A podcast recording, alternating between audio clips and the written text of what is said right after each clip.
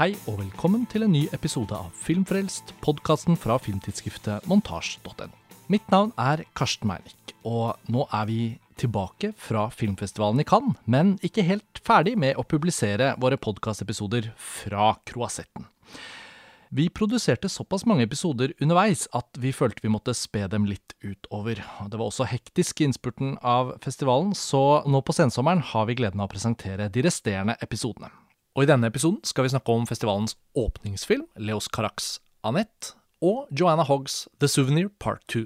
Episoden er tatt opp 15. juli, og vi nærmer oss slutten av festivalen. Så med det vil jeg bare sette over til Lars Ole Kristiansen, som introduserer panelet for denne Cannes-episoden. God fornøyelse. Mitt navn er Lars Ole Kristiansen, og jeg sitter her i Cannes sammen med Karsten Meinick Hei, Lars Ole. og Alexander Huser. Hallo. Velkommen tilbake, Alexander. Det begynner å bli noen år siden sist. Ja, mange takk. Det var jo i anledning eh, et eh, retrospektiv på Cinemateket bestående av Joanna Hoggs filmer. Og du har jo på mange måter vært eh, hennes fremste ambassadør i, i Norge. En veldig særegen britisk autør som hadde premiere på den første delen av en selvbiografisk film, The Souvenir, under Berlinalen for et par år siden. Mm. Og nå er hun tilbake med den eh, sannsynligvis noe koronaforsinkede andre halvdelen av fortellingen i The Souvenir Part 2. Og den har eh, ikke jeg lyktes med å få sett under festivalen, men eh, Karsten har sett den, og du har selvfølgelig sett den, Alexander. Og da vi skjønte at du etter mange år i eksil returnerte til Cannes-festivalen, så tenkte vi umiddelbart at det må jo da være pga. den Joanna Hogg-filmen. og da må vi sørge for å benytte anledningen til å ta opp en podkast med Alex om The Souvenir Part 2 mens vi er her nede. Velkommen tilbake til Cannes, eh, Alex. Hvordan føler du at eh, det er å være i byen? Jo, det er jo helt fantastisk. Altså, jeg må jo innrømme at det handlet ikke bare om Joanna Hogg å dra hit. Det er jo et Det var litt spøkefullt ment, altså. Ja. Nei, selvfølgelig så er det jo et år med, med rekordhøy eh, norsk deltakelse og et generelt kjempesterkt program. Og jeg, jeg tenker jo at det er egentlig et helt fantastisk år å ha et slags sånn comeback som filmjournalist her, da, fordi at eh, man rett og slett Altså i tillegg til at det er et veldig sterkt program, eh, så har man god mulighet til å få sett filmene, fordi at det er færre mennesker her. Så det er liksom enklere tilgang til de ulike visningene. Så jeg har jo fått sett veldig mye av det jeg hadde fått lyst til å se, da, i løpet av nå snart to uker, faktisk. Hvilken årgang var den forrige du gjestet? Nei, det var 1999, da jeg var her Shit. for eh, Oslo Filmfestival. Ja. For de som ikke kjenner deg så godt, da, har du lyst til å bare si kort om hvilke publikasjoner du skriver for nå for tiden, liksom? Eh, Hvis noen har lyst til å finne ut eh, av ting du har skrevet der nede? Ja, jeg skriver for Cinema, eh, og så skriver jeg for Rushprint, og så skriver jeg for avisa Ny Tid. Så det er liksom mine tre faste outlets som, eh, som frilanser. Og før vi liksom kommer til den Joanna Hogg-filmen vi to har sett, da, 'Souvenir Part 2', så, så tenker jeg at uh, vi må nesten starte med festivalens åpningsfilm, fordi den var gjenstand for en ganske morsom samtale vi tre hadde sånn off the record da vi møttes uh, ganske tidlig på festivalen. For du reiste jo ned tre dager før oss. Så da vi kom ned og traff deg, så fikk vi høre at du hadde satt veldig stor pris på Leos Caracs eh, film 'Annette', som åpnet festivalen, men som vi hadde plukket opp ganske mye sånn laber buzz på.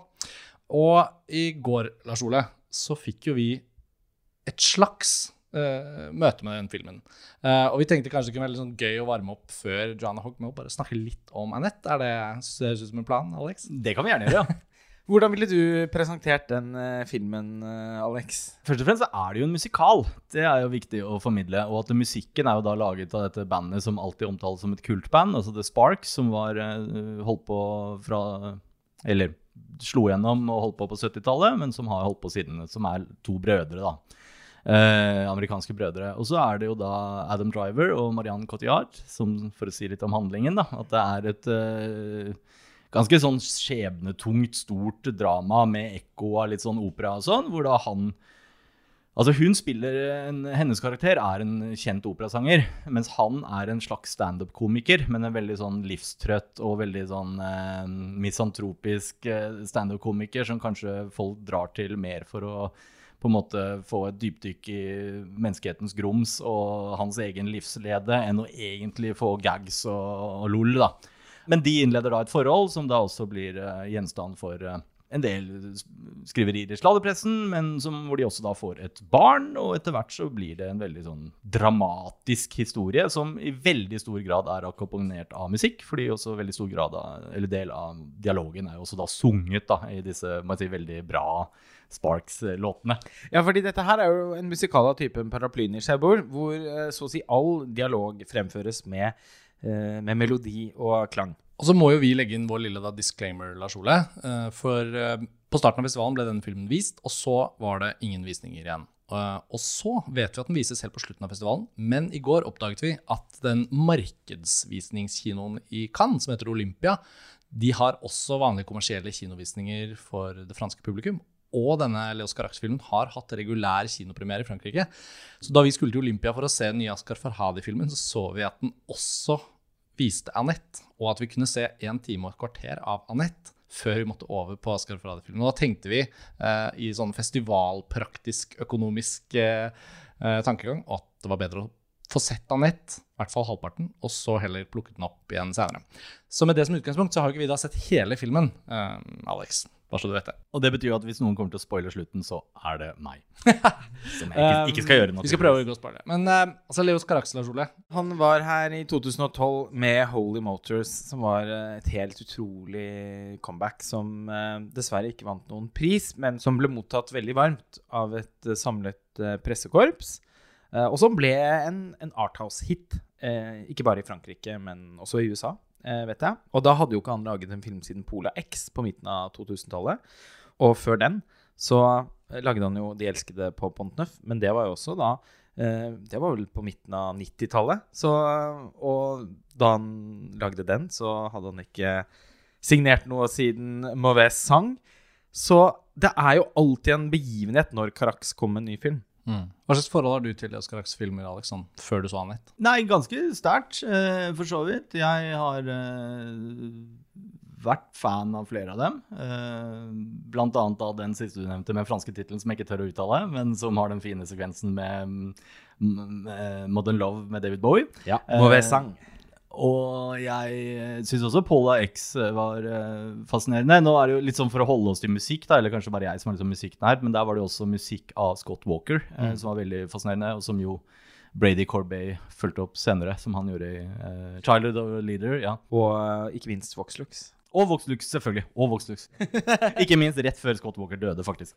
Um, nei, men altså, det er jo ikke noe tvil om at musikk er viktig for uh, Carax. Ikke bare liksom understreket av uh, måten han bruker allerede eksisterende låter på, men at han ofte egentlig modellerer sekvenser på en litt musikalaktig måte.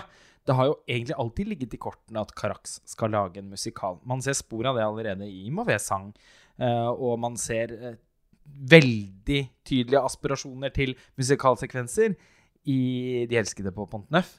Og i Holy Motors er det jo også en, en slags eh, Halvt musikkvideo, halvt musik musikalinnslag. eh. Nettopp. Så, og det er mange innslag av dans, eller i det minste bevegelseskunst i, i filmene hans.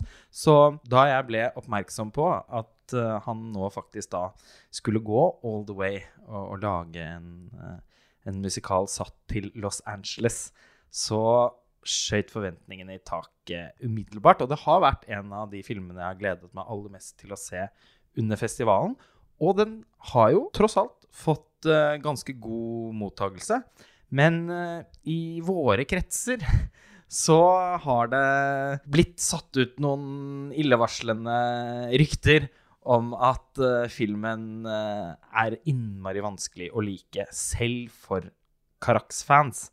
Så det var jo da med veldig sånn spente magemuskler vi entret Olympia i går. Hadde jeg vært lytter av denne episoden nå, så hadde jeg følt at det var en veldig build-up i det du sa nå, til at du sier hva du syns om filmen. Den delen av den du har sett, i hvert fall. Altså, det er ikke sånn at jeg ville forlatt filmen hvis jeg ikke var nødt. Og jeg akter å se den ferdig i løpet av den siste festivaldagen. Men jeg slet veldig med å koble meg på det kunstneriske prosjektet her, eh, rett og slett. Jeg eh, følte at de som hadde laget den, hadde noen veldig liksom, sterke ideer og, eh, og fornemmelser, liksom, for, for hva de holdt på med. Og eh, at det var som om de liksom var i transe. eh, over alt sammen. Eh, og det er jo da også et eh, publikum i store deler av filmen som reagerer på hovedpersonen spilt av Adam Driver sine sånn eksperimentelle standup-show. Og deres reaksjon var på en måte da så innmari forskjellig fra min egen. Og jeg hadde veldig liten tilgang på hvilke følelser de monologene han holder oppe på den scenen i ganske lange partier av filmen, sprang ut av. Eh, jeg syns at relasjonen hans til Marianne Cotillard sin karakter var veldig sånn overfladisk og uromantisk beskrevet. Så jeg syns det, det, var vanskelig å engasjere seg i den påståtte enorme, svulmende kjærligheten mellom de to. Og sånne type ting kan godt være skåret ut i papp i en musikal. Moulin Rouge, f.eks. Eh, der tror jeg jo tross alt på eh, Nicole Kidman og Ewan McGregor, selv om eh, det, det, mildt sagt eh, ikke blir framstilt på en Deres relasjon blir framstilt på en kompleks måte. Men her var det mer sånn at jeg følte at de liksom bare var liksom marionettedukker. Og så får dere jo da også en dukke til barn som blir liksom enda et lag av hver fremdung i noe som jeg allerede føler at det er veldig vanskelig å, å komme inn i, og som har små blaff av magiske Carax-øyeblikk, men de er forbausende korte, da. Eh, og filmen har et veldig seigt eh, tempo, og for hver eh, veldig fascinerende iscenesettelse eller eh, spennende fotograferte eh, bilde, så slynge seg liksom ut i Nei, det var egentlig en ubeskrivelig opplevelse, og kanskje det kommer til å vise seg å være en slags kvalitet. Jeg er i alle fall veldig spent på å høre hva du tenker, Alexander, som jeg vet at satte vesentlig mer pris på filmen enn meg. Ja, jeg satte jo veldig stor pris på den filmen. Det er jo ikke derved sagt at jeg ikke liksom ser noen svakheter her og der, eh, men, men, jeg For det første så vil jeg si at det er en ekstremt modig film. Det er jo en film som på en måte er, det er gitt at den kommer til å splitte folk, at, mange, at mange ikke kommer til å kjøpe den. Men samtidig så er det litt sånn at jeg føler som vi kanskje også snakket om da vi hadde en da jeg pitchet inn filmen på en måte som noe dere burde se. at det er litt sånn, Jeg satt og tenkte på at det er litt med musikal som det er med animasjon. At du skaper et rom, et univers, hvor på en måte alt er lov. Uh, men så gjør jo han det da for å på en måte også utforske noe som, som har hva skal man si, mange forskjellige interessante uh, sider ved seg, som ikke nødvendigvis er sånn du tenker at går så lett sammen. da, ikke sant? Altså at den har på en måte, Ikke bare at hun er operasanger, men også i på en måte dette skjebnedramaet som etter hvert utspiller seg. som blir liksom, Det blir på en måte tyngre og mer og mer alvorlig etter hvert. Sånn du har liksom noe som er litt sånn der, den, den, spiller på litt sånn gamle mytologiske fortellinger og troper. Samtidig som at den også er liksom litt sånn kontakt med vår virkelighet. da, Med at det er liksom litt metoo plutselig dukker opp og litt sånne ting. Men ikke minst liksom, syns jeg også det var kult med den standup-komikeren som på en måte ikke er en standup-komiker, som Adam Driver spiller. At han, at han da er en sånn type som Jeg har ikke sett akkurat den typen i virkeligheten. Og nå er kanskje ikke jeg den som er aller mest up to date med standup-komikk heller, men liksom en sånn type sånn uh, Louis C.K. av de komikerne der som på en måte liksom spiller litt på mørke sider i seg selv, men som liksom er da den blaserte, livstrøtte, kanskje på slutten av karrieren, versjonen av det som liksom virkelig har begynt å gi F på en måte òg, men som, hvor kanskje det egentlig feeder suksessen hans. Men sant, så er det så mange lag av surrealisme her. altså Når man snakker om reaksjonene Du, du nevnte Lars Ole, reaksjonene til publikummet i filmen, altså, som da er jo et publikum kun når han har disse sceneshowene. Det er, ikke, det er jo ikke publikum til alle de andre scenene. Men de sitter jo ofte og synger også, ikke sant da, fordi at det er en såpass gjennomført musikal. Uh, selv om ikke absolutt all dialogen synges, da, men det er plutselig sånn, så får du et sånt jeg vet ikke om jeg skal kalle det et gresk kor, men det er jo plutselig sånn, så er han i dialog med eh, publikummet sitt gjennom sang, og tilsvarende også den herre eh, barnet dette paret får, som jo er da en sånn en, en dukke, rett og slett. Altså det, er, det, er, noen sånne veldig surrealistiske innslag her hele veien, samtidig som at den også liksom eh, kommenterer vår tid på noen måter. Og, og Samtidig som jeg også jeg opplevde den som ganske romantisk. Jeg. Nå kommer vi jo inn i historien når de har allerede Altså det er et par. Vi kommer inn i det når på en måte par, parforholdet deres blir offentlig kjent. Uh, men det er noen romantiske scener mellom dem som, som jeg syns var veldig sånn, syns var fine og romantiske. Men det tar jo egentlig ikke så veldig lang tid før det på en måte begynner å rakne litt i dette forholdet òg, da. Eh, som jo egentlig er en vesentlig, og den vesentligste delen av historien, egentlig. At det begynner å liksom eh, Det er relationship gone bad, eller i ferd med å surne, da. Men det, det, er jo en film som inviterer til ganske mange interessante måte, diskusjoner, kritiske eller sympatisk innstilte, rundt hva liksom, musikalsjangeren er kapabel til, og hva man er i stand til å uh, akseptere på en måte som publikummer, kan man si. Og jeg, og jeg um, har ikke noe særlig kjennskap til dette bandet Sparks, eller den duoen, skal vi si, brødrene. Men har jo registrert at uh, i år også er laget en dokumentarfilm om dem, som Edgar Wright har signert, og ikke minst da alltid har de har laget denne filmen med Leos Carax, virker det som. At er, de har vært veldig involvert i, i, i libretto nå, får vi si. Uh, ikke bare komposisjonene. Men noe av det som gjorde det vanskeligst for meg her, var ikke nødvendigvis det surrealistiske i visuelle grep og ideer, og inn og ut av scener og scener innenfor scenen og publikummet til stede og sånn, men jeg opplevde nok at min største hindring, eller det som ble filmens hindring for meg, var at musikken og fremføringene har noe sånn veldig sånn snakkemusikkaktig over seg. Altså, det er jo ikke på noen måte sånn rap-lignende. Og selv om Marion Cotillard er operasangerinne og dermed fremfører noen arier, på en måte, så blir man jo til det punkt hvor vi har satt filmen på pause da, og får plukket den opp igjen senere, så blir man interessert for veldig mye sånn herre Ja, det er veldig farlig å gjengi, men liksom typ sånn I am taking this bottle and drinking a sip of this beer and, and, and. Så det er veldig sånn Ja, nå parodierer jeg, men det syns jeg var det vanskeligste med filmen. Er, det, er dette, Ligner det på det andre Sparks holder på med musikalsk? Det, kan du hjelpe meg med å skjønne litt det valget, hvis du har skjønt noe jeg ikke har skjønt, Alex?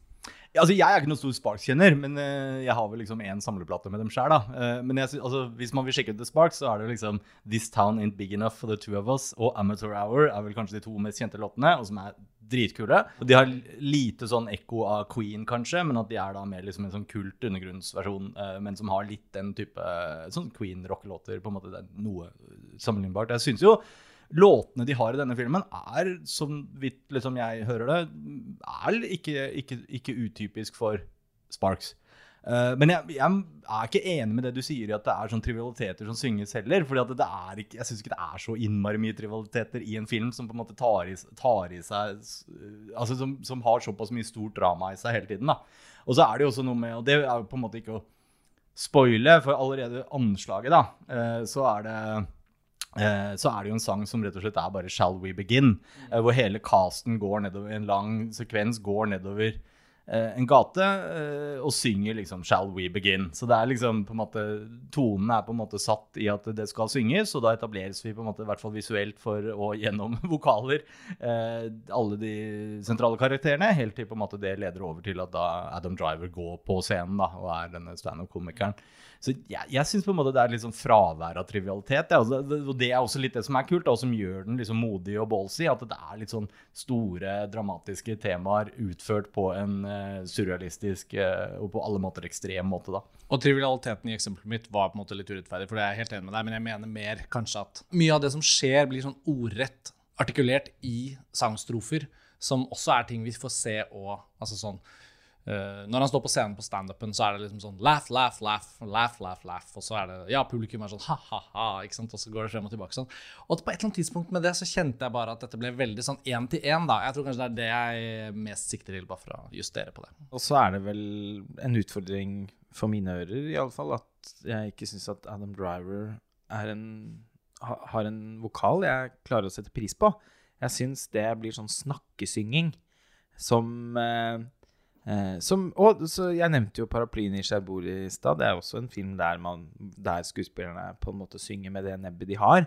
Men eh, jeg syns jo den tross alt har lykkes med å få det til å låte vakkert eh, likevel. Selv om det er på kanskje en litt sånn knirkete måte. Mens her syntes jeg rett og slett at det ble enerverende, da. Og intensiteten i Adam Drivers eh, karisma og spillestil ble maniert da, eh, for, for, meg. Jeg klarte liksom ikke helt å få eh, følelsen av at uh, rollefigurens atferd var organisk i forhold til de uh, situasjonene han var i. Men samtidig så lukter man allerede nå da, hvordan denne filmen eh, helt klart fremprovoserer veldig ulike reaksjoner. Det er superinteressant. Ja, og for eksempel Screen Daily Cannes, som alltid har en sånn grid med forskjellige kritikere som gir stjerner, som er alltid så morsom å bruke som sånn samtalepunkt gjennom festivalen. Man sjekker griden, og så ser man liksom snittet på de ulike filmene. Helt fra starten har jo Annette ligget veldig høyt på den griden, Ja, ja. og fortsatt er den, Den er jo for, for eksempel eh, vesentlig mye høyere vurdert der enn verdens verste menneske til Joachim Trier. Men jeg tror at det at den da uh, fremprovoserer ulike uh, reaksjoner, det handler jo selvfølgelig mye om at uansett hva man syns, og nå inkluderer jeg meg selv, så er det den dristigheten Carax har som filmskaper, du snakket om det innledningsvis, Alex, at de som har vært med på dette prosjektet, tør å gå for det såpass, det beundrer jeg selv om jeg ikke følte meg inne i filmen. Men Alex, du har jo også øh, bodd her i Cannes med ikke-norske kritikere, sikkert støtt på og vært i samtale med flere øh, fra andre land enn oss. Hva har du plukket opp av buzz fra ulike stemmer og andre journalister rundt filmen? Ikke så voldsomt mye, men, men jeg har ikke på en måte Jeg opplever ikke at folk er så spesielt negative til den. Og jeg har også inntrykk av at internasjonal presse er, eh, er eh, positive. Men, men det er jo det, altså, det er jo folk som sier sånn Den er modig, men det er ikke min type film. Og det, det, Ja. i det så ligger Kanskje litt det vi sier, da. Ikke sant? Og, i, litt, og det, i det så ligger det også at dette er en film som er dømt til å splitte folk. da. Men jeg syns den Som sagt, den er ikke liksom perfekt, men jeg syns den har sånn masse masse kvaliteter. og jeg synes den, Det er en film som egentlig ikke ligner på så mange andre filmer, og som jeg syns var sånn virkelig opptur å se. da. Eh, sikkert også hjulpet at jeg var tilbake i Cannes for første gang på over to tiår. Men, men, men, og dette var åpningsfilmen, ikke sant? men det var jo Nei, det, jeg syns det er en ganske unik film. Og jeg har også lyst til å si bare sånne detaljer, da, men at uh, jeg syns egentlig at eh, Adam Driver synger bra nok. Uh, han er ikke liksom den første sanger, men han synger jo sine dialogscener, uh, på en måte. Og, og i tillegg til noe vanlig dialog, som sagt. Men, men ja, jeg syns den stemmen hans holder for det. Og, men bare så det er sagt også, Marianne Cotillard hun synger også i denne filmen, men så vidt jeg skjønte av rulleteksten, når det er operascenen hennes, for vi ser jo henne også på scenen som operasangerinne, da er det en ekte operasangerinne som synger. Men i de andre scenene på en måte med henne som karakter, eh, ikke på scenen, så er det Marianne Cotillard som også synger selv. Og jeg syns jo på en måte de slipper unna med det, men det, jeg synes jo på en måte det også er en litt sånn sjarm, da. At det er sånn eh, litt sånn Johnny Depp-sang i Sweeney Todd, og han var vel hakket bedre med et litt sånn touch av David Bowie-aktig vokal enn en Adam Driver er her. Men jeg, jeg syns ikke det var krise, på en måte. Det er liksom litt kult at du hører at For han har en ganske særegen stemme når han snakker òg. Så det er liksom kult å høre at det er hans stemme, da, som nå også går gjennom dialogen i, i, i toner. Jeg tenker at eh, poenget ditt om at filmen kanskje ikke ligner noen annen man har sett, det er i seg selv en kvalitet. Og det gjør at jeg kjenner meg sulten på å returnere til den og naturligvis fullføre den. Men eh, jeg er litt nysgjerrig på hvem denne filmen på en måte er for.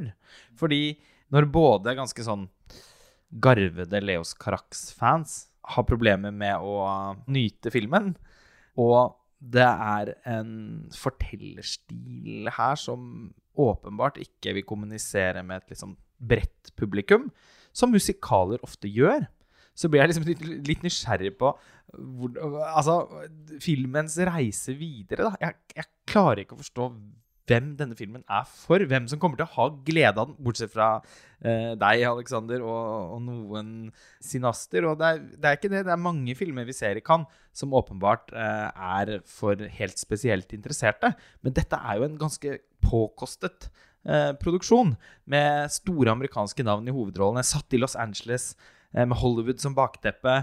Ja, nei, altså Hvis det er sånn at den bare er laget for meg, så vil jo jeg være evig takknemlig til Sparks og ikke minst av Leos Gorax for det. Uh, men altså, Kanskje det er å kokettere litt, da, men, men på en måte så er jeg ikke liksom helt enig i det spørsmål, å stille spørsmål av og til. da, ikke sant? Man kan si sånn, Hvem var Vox Lux laget for? Altså, Den var ikke laget for folk som likte Britney Spears, på en måte. ikke sant? Eh, ja, jo, jeg, jeg vet at du liker Britney Spears, og det gjør for øvrig jeg også. Ja. Men jeg tenker på liksom uh, Nei, jeg skjønner selvfølgelig godt uh, poenget ditt. Derfor jeg un understreka også at vi ser jo mange filmer i løpet av Cannes-festivalen som henvender seg til veldig få, og det er aldri et problem. Men jeg syns bare dette er et litt interessant tilfelle, fordi filmen på en måte er modellert for uh, et eh, forestilt større publikum da, enn mange andre vi har sett her nede. Og det litt rørende, bare for å oppsummere, egentlig, er jo at det er jo Amazon som har lagt eh, cash på bordet her for å få denne filmen laget. Og da er det jo også litt sånn For det har tatt noen år, tror jeg, fra Greenlight til den ble ferdig. Og så ble den jo utsatt fordi alt ble utsatt i fjor. Og så er den jo endelig premiereklar nå.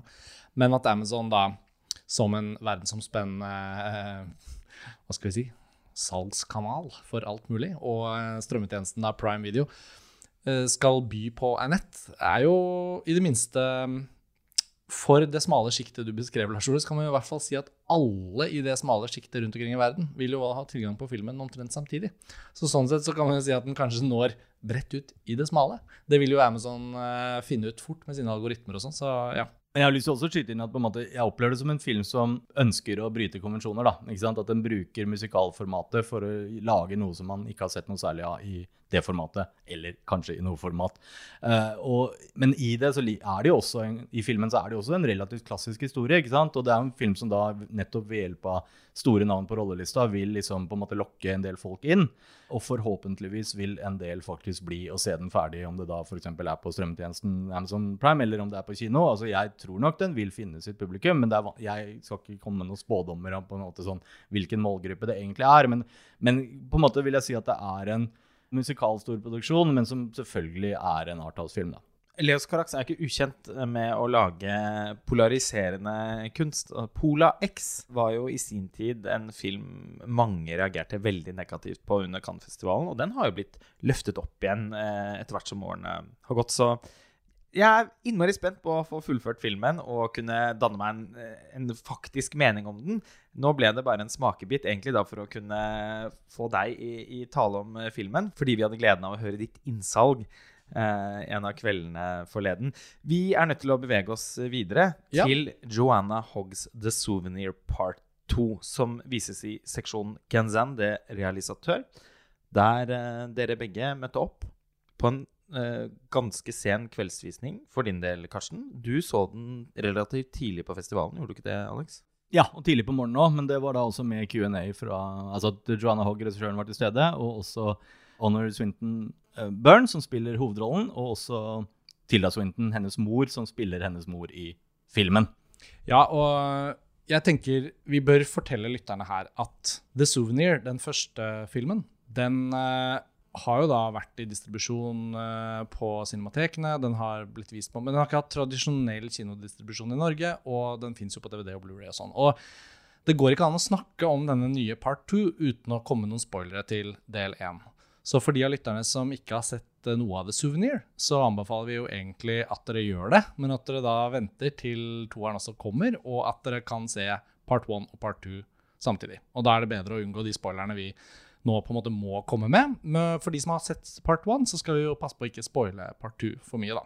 Men Alex, det var jo veldig gøy, husker jeg, da, da liksom Johanna Hogg dukket opp i, i hvert fall Lars Ole og min kollektive bevissthet eh, etter å ha vært bare et veldig vagt Arthouse-navn fra den britiske scenen. Og um, den samtalen vi hadde på det som var et uh, montasjekontor i Oslo, som vi nå har forlatt for lengst, uh, da husker jeg veldig godt at uh, vi snakket meget grundig også om Joanna Hoggs bakgrunn. og hvor, liksom, hvor, hvor kom hun fra, hva var hennes opprinnelse før hun fikk sin debut. og i The Souvenir så går hun veldig sånn selvbiografisk til verks.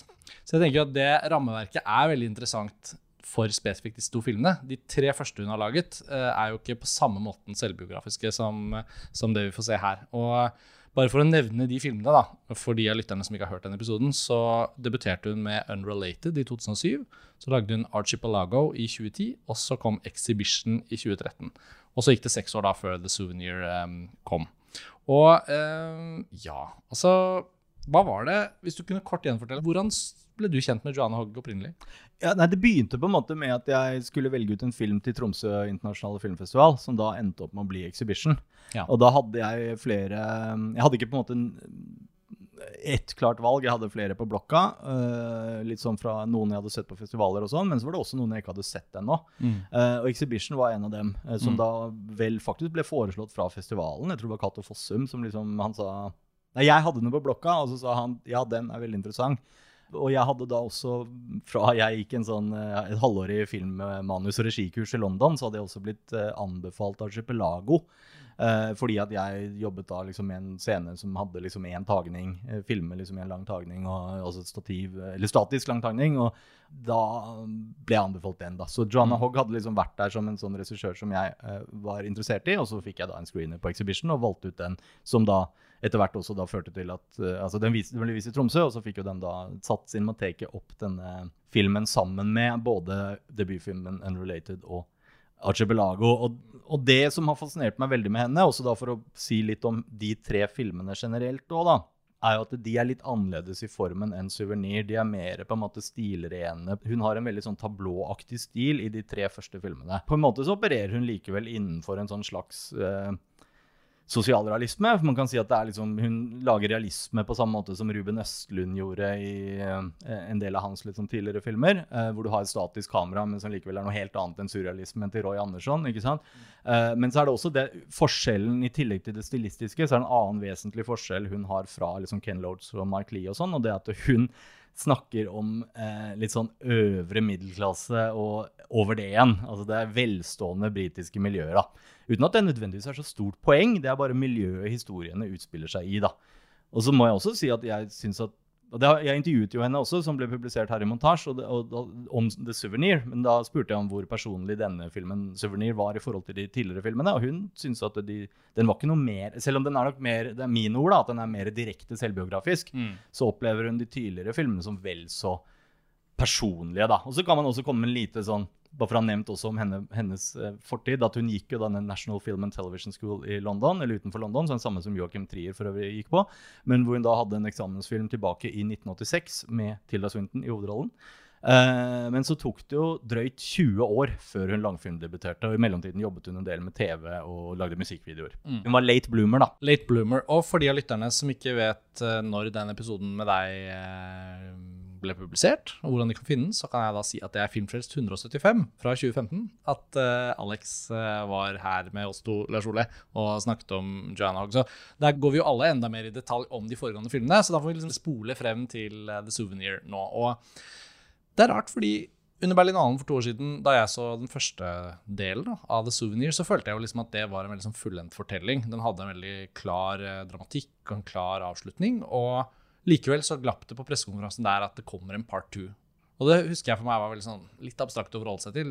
Ja, blir det at man hopper 10-15 år frem i tid? Blir det liksom sånn? Så jeg visste ikke helt egentlig hva part two kom til å være. Men det viser seg jo, Alex, at første scene i part two er som liksom neste scene i part one. Jeg ble ganske overrasket over det. Jeg vet ikke, Var du forberedt, eller? Nei, jeg var også overrasket, fordi jeg også ante ikke helt hva jeg gikk til. Og jeg hadde jo til og med intervjuet henne, som sagt. Fortsett å skryte av det, da, men det var liksom jeg hadde bare ti, Den samtalen hadde jeg bare ti minutter til rådighet til. da. Så jeg, det var liksom det viktigste spørsmålet jeg ikke rakk å stille, var liksom But what about part two? What is that? Ja. Så det, men som du sier, den, den fortsetter jo på en måte bare. Men samtidig så opplever jeg Altså i likhet med deg, så opplevde jeg part én som en fullendt film. Men, Og jeg opplever også part two som en fullendt historie. Og det er litt vanskelig å si om man kan se Jeg tror man kan se part two eh, uavhengig av part én, men kanskje lurt å liksom ha googla litt om handlingen din den første. Men det kan også være interessant å ikke vite. Eh, og det husker jeg også fra den Q&A-en her på, før visningen av, eller ettervisningen av Souvenir part two. At uh, Joanna Hogg selv sa noe om at hun ikke helt visste om man måtte ha Altså om nummer to krever å ha sett én. Det var hun ikke sikker på. Det syns jeg er kjempeinteressant, fordi jeg trodde at dette var en direkte fortsettelse av den første filmen, og at de mer eller mindre var én eh, historie, bare liksom delt på midten. Altså er det også sant, men fordi de som filmverk er utformet på en sånn spesifikk måte, så er jeg enig med Alex i at det liksom det føles ikke som at det er noen feil måte å egentlig ende opp med å se disse filmene på. Jeg tror til og med det kan være ganske interessant å se part two og så se part one. Ikke fordi det er kanskje den beste måten, men jeg tror ikke noen av de er feil. Da. Det har litt med hvordan en åpner og avslutter filmene på, men også eh, selvfølgelig fordi at og her kommer da en spoiler for part one, da, for de som nå ikke har skjønt at de må skru av podkasten hvis ikke de har sett eh, part one, eller som ikke bryr seg om spoilere. Men den store kjærlighetshistorien i The Souvenir den ender jo med at han eh, fyren dør av en overdose. Og um, part two går veldig rett inn på hennes umiddelbare sorg. Og hvordan den sorgen forplanter seg inn i hennes arbeid med å fullføre filmskolen og lage eksamensfilmen sin. Og eh, det, jeg tror at hvis man ser part two uten å vite noe om part one, så går man jo rett inn i en person som da har en sånn sorggreie. Altså, jeg tror ikke det er umulig, da, i hvert fall. Um, Nei, jeg tror også det kan være interessant, selv om jeg Mm. nok vil anbefale å se den første. Og, Ja. og ikke minst for nettopp dette bakteppet, da, som var jo veldig interessant i den første filmen. At det handler om at hun møter en mann som også er selvfølgelig fra en litt sånn bemidlet eh, skikkelig aristokrat, føles det som. Ikke sant? Og han, ha en performativ ar aristokratisk væremåte. ja. Og han jobber da, sier han i hvert fall, for Utenriksdepartementet. eh, men så skjønner hun etter hvert at han er jo også narkoman. Eh, og en, det ender da med at han faktisk Han har vel et tilbakefall, og han eh, dør av overdose. Og nå, i, som du nevnte, da, i part to, så er det er jo i stor grad en film om en sorgbearbeidelse, mm. uh, som hun må kombinere med da å faktisk ferdigstille en eksamensfilm. Med større og større motstand fra både medelever, eller medstudenter og skolen selv. Uh, men det som også jeg synes er et interessant aspekt uh, i filmen, er jo at da, det starter jo med at hun er hjemme hos foreldrene sine. Litt sånn British countryside. Eh, hvor hun uh, er der for å bearbeide Og de vet jo hva som har skjedd, så, så på en måte hun bearbeider sorgen der. Uh, og trekker seg litt vekk fra skolemiljøet. Men som også da gjør at foreldrene som da som sagt er Tilda Swinton som spiller moren.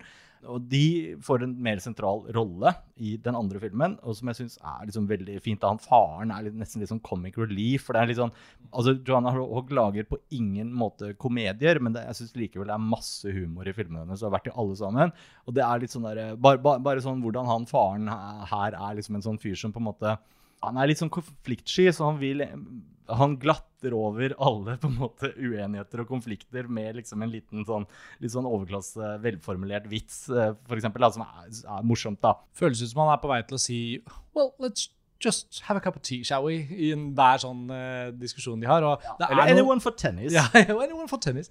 Og så er det jo helt kostelig også hvordan man ikler seg jaktnikkersene, og fuglehundene er med, og de går ut i sånn de, de sånn åsbekledde landskapet eh, hvor man kjenner at det er liksom hakket unna at de har et gods. Men de har liksom ikke helt et gods. Jeg syns du sa det pent, at det er liksom sånn, det er øvre middelklasse. Grense mot å gå over i adel, men ikke helt. Og man må jo si at det er jo noe nesten litt sånn å kikke inn i eh, en verden og et miljø i Storbritannia som særlig i det samfunnet er veldig påfallende. Det er store klasseforskjeller oppover i klassesystemet. Og det har vi kanskje ikke kommet helt til i Norge ennå på den samme måten. Eh, Men eh, ja, det gir jo et innblikk også fordi at hun da strever jo på mange måter med ting som sikkert mange andre på den filmskolen hennes gjør.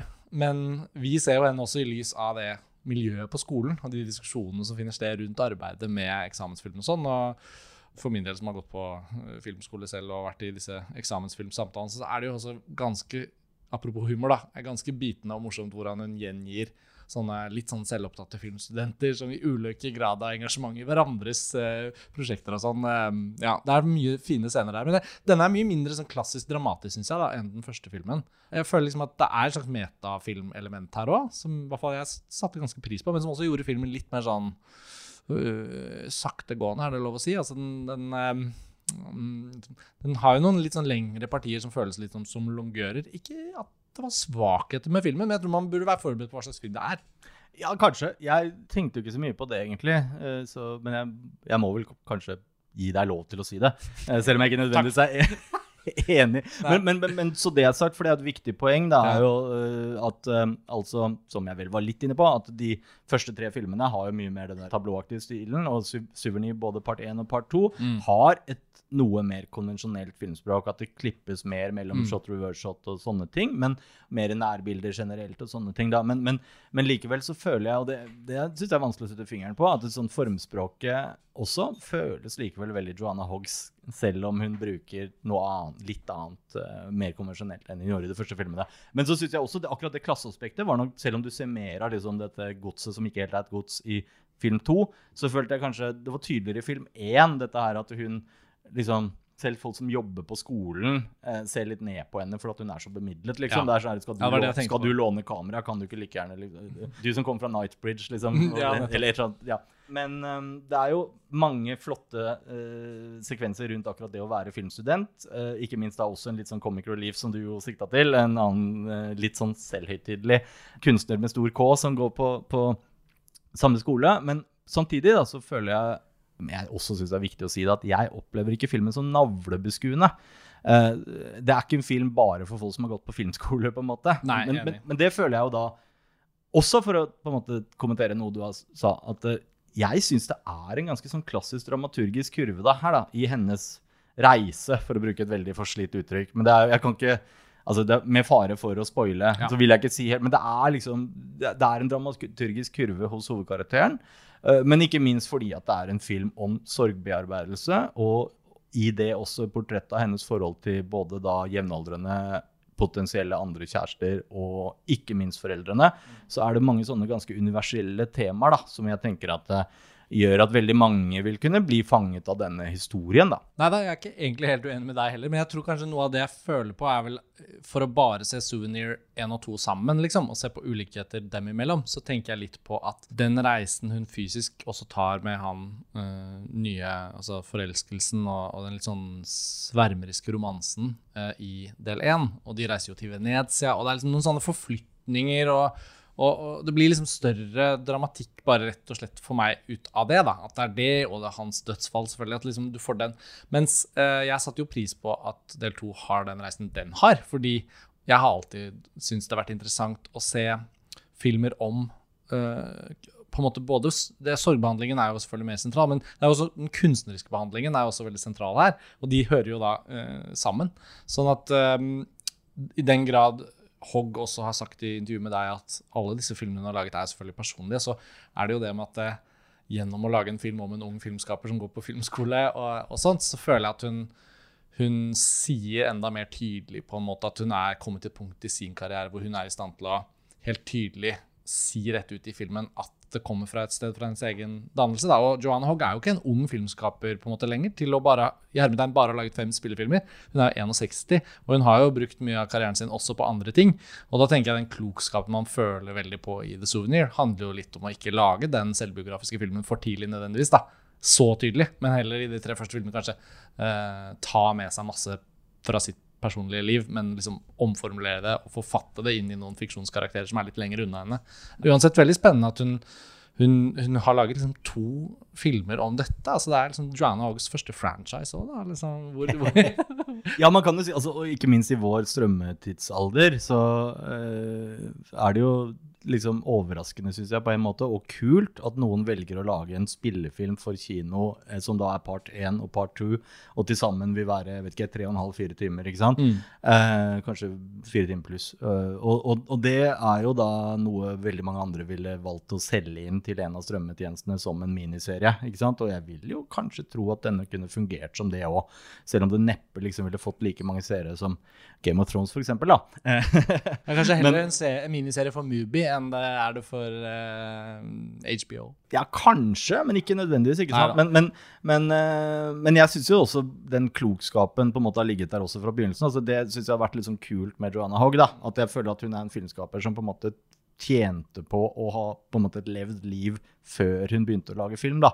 Men så er det som du sier at den her er åpenbart mye mer direkte selvbiografisk. Og på den Q&A-en igjen, da, som jeg stadig refererer til, så, så, så snakket hun jo om liksom sånn, den mannen hun hadde vært i et forhold til. ikke sant? Så hun hadde vært i et forhold Ja. med en mann som da ikke sant? Hvor mye av greia her er jo også at liksom, han har skjult dette misbruket sitt, og hun, han, er, han er så hemmelighetsfull, så på en måte denne karakteren i filmen vet jo ikke om han noen gang egentlig jobbet på Utenriksdepartementet, f.eks. Um, og så er det jo en artig detalj også at den filmen som hun jobber med, altså eksamensfilmen som hun jobber med i Souvenir Part 2, for så vidt kanskje også Part 1, det husker jeg ikke helt, men, men det er jo på en måte den filmen som hun faktisk lagde på National Film and Television School eh, i 1986, og som da hadde Tilda Swinton i hovedrollen. og som vel, Den heter jo Caprice i virkeligheten.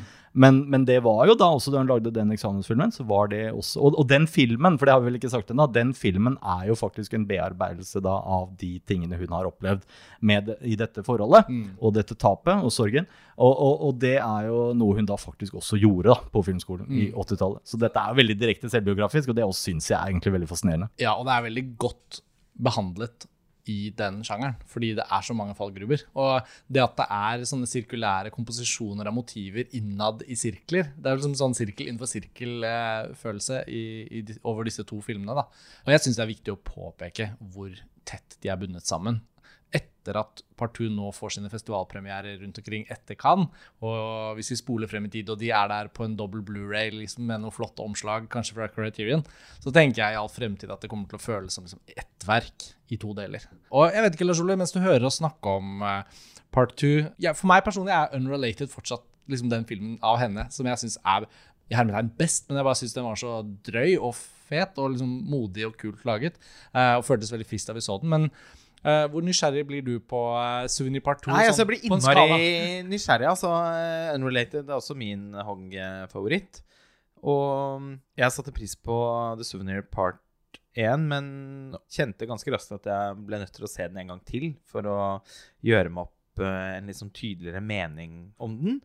Og desto mer forfriskende er det på en måte da å høre at den andre delen er så enkeltstående eh, som det fremkommer av deres samtale, på tross av at den første filmens fortelling vi kunne liksom lade rollefigurene på en måte som skaper noen spesifikke emosjonelle eh, innganger, så får jeg jo inntrykk av at dette her i mye større grad er en film om å være på filmskole. Om å være i, på et eh, tidlig sted i en kunstnerisk prosess. Og at filmen har metaelementer som filmer inni filmen. Og det er jo egenskaper ved en film jeg normalt vil sette stor pris på. Men når det er sagt, så føler jeg litt at vi også er i mål da, med denne episoden, eh, dere. Um, Alex, du har jo sagt deg villig til å være med på en episode til.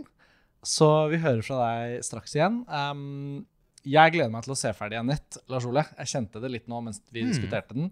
Og jeg er spent på hvordan du kommer til å oppleve Souvenir Part 2. Og jeg har lyst til å si at jeg gleder meg til å se Annette igjen. Og se Souvenir som en hel film etter hverandre. En binge-kveld. Ja, for det er akkurat det samme jeg føler at neste gang, da blir det begge to rett etter hverandre, med kanskje en liten toalettpause i midten. Takk, Alex, for at du ble med på denne episoden. Lars Ole, vi er jo snart tilbake med mer. Det er vi. Takk for nå. Takk for nå. Ha det bra, alle sammen.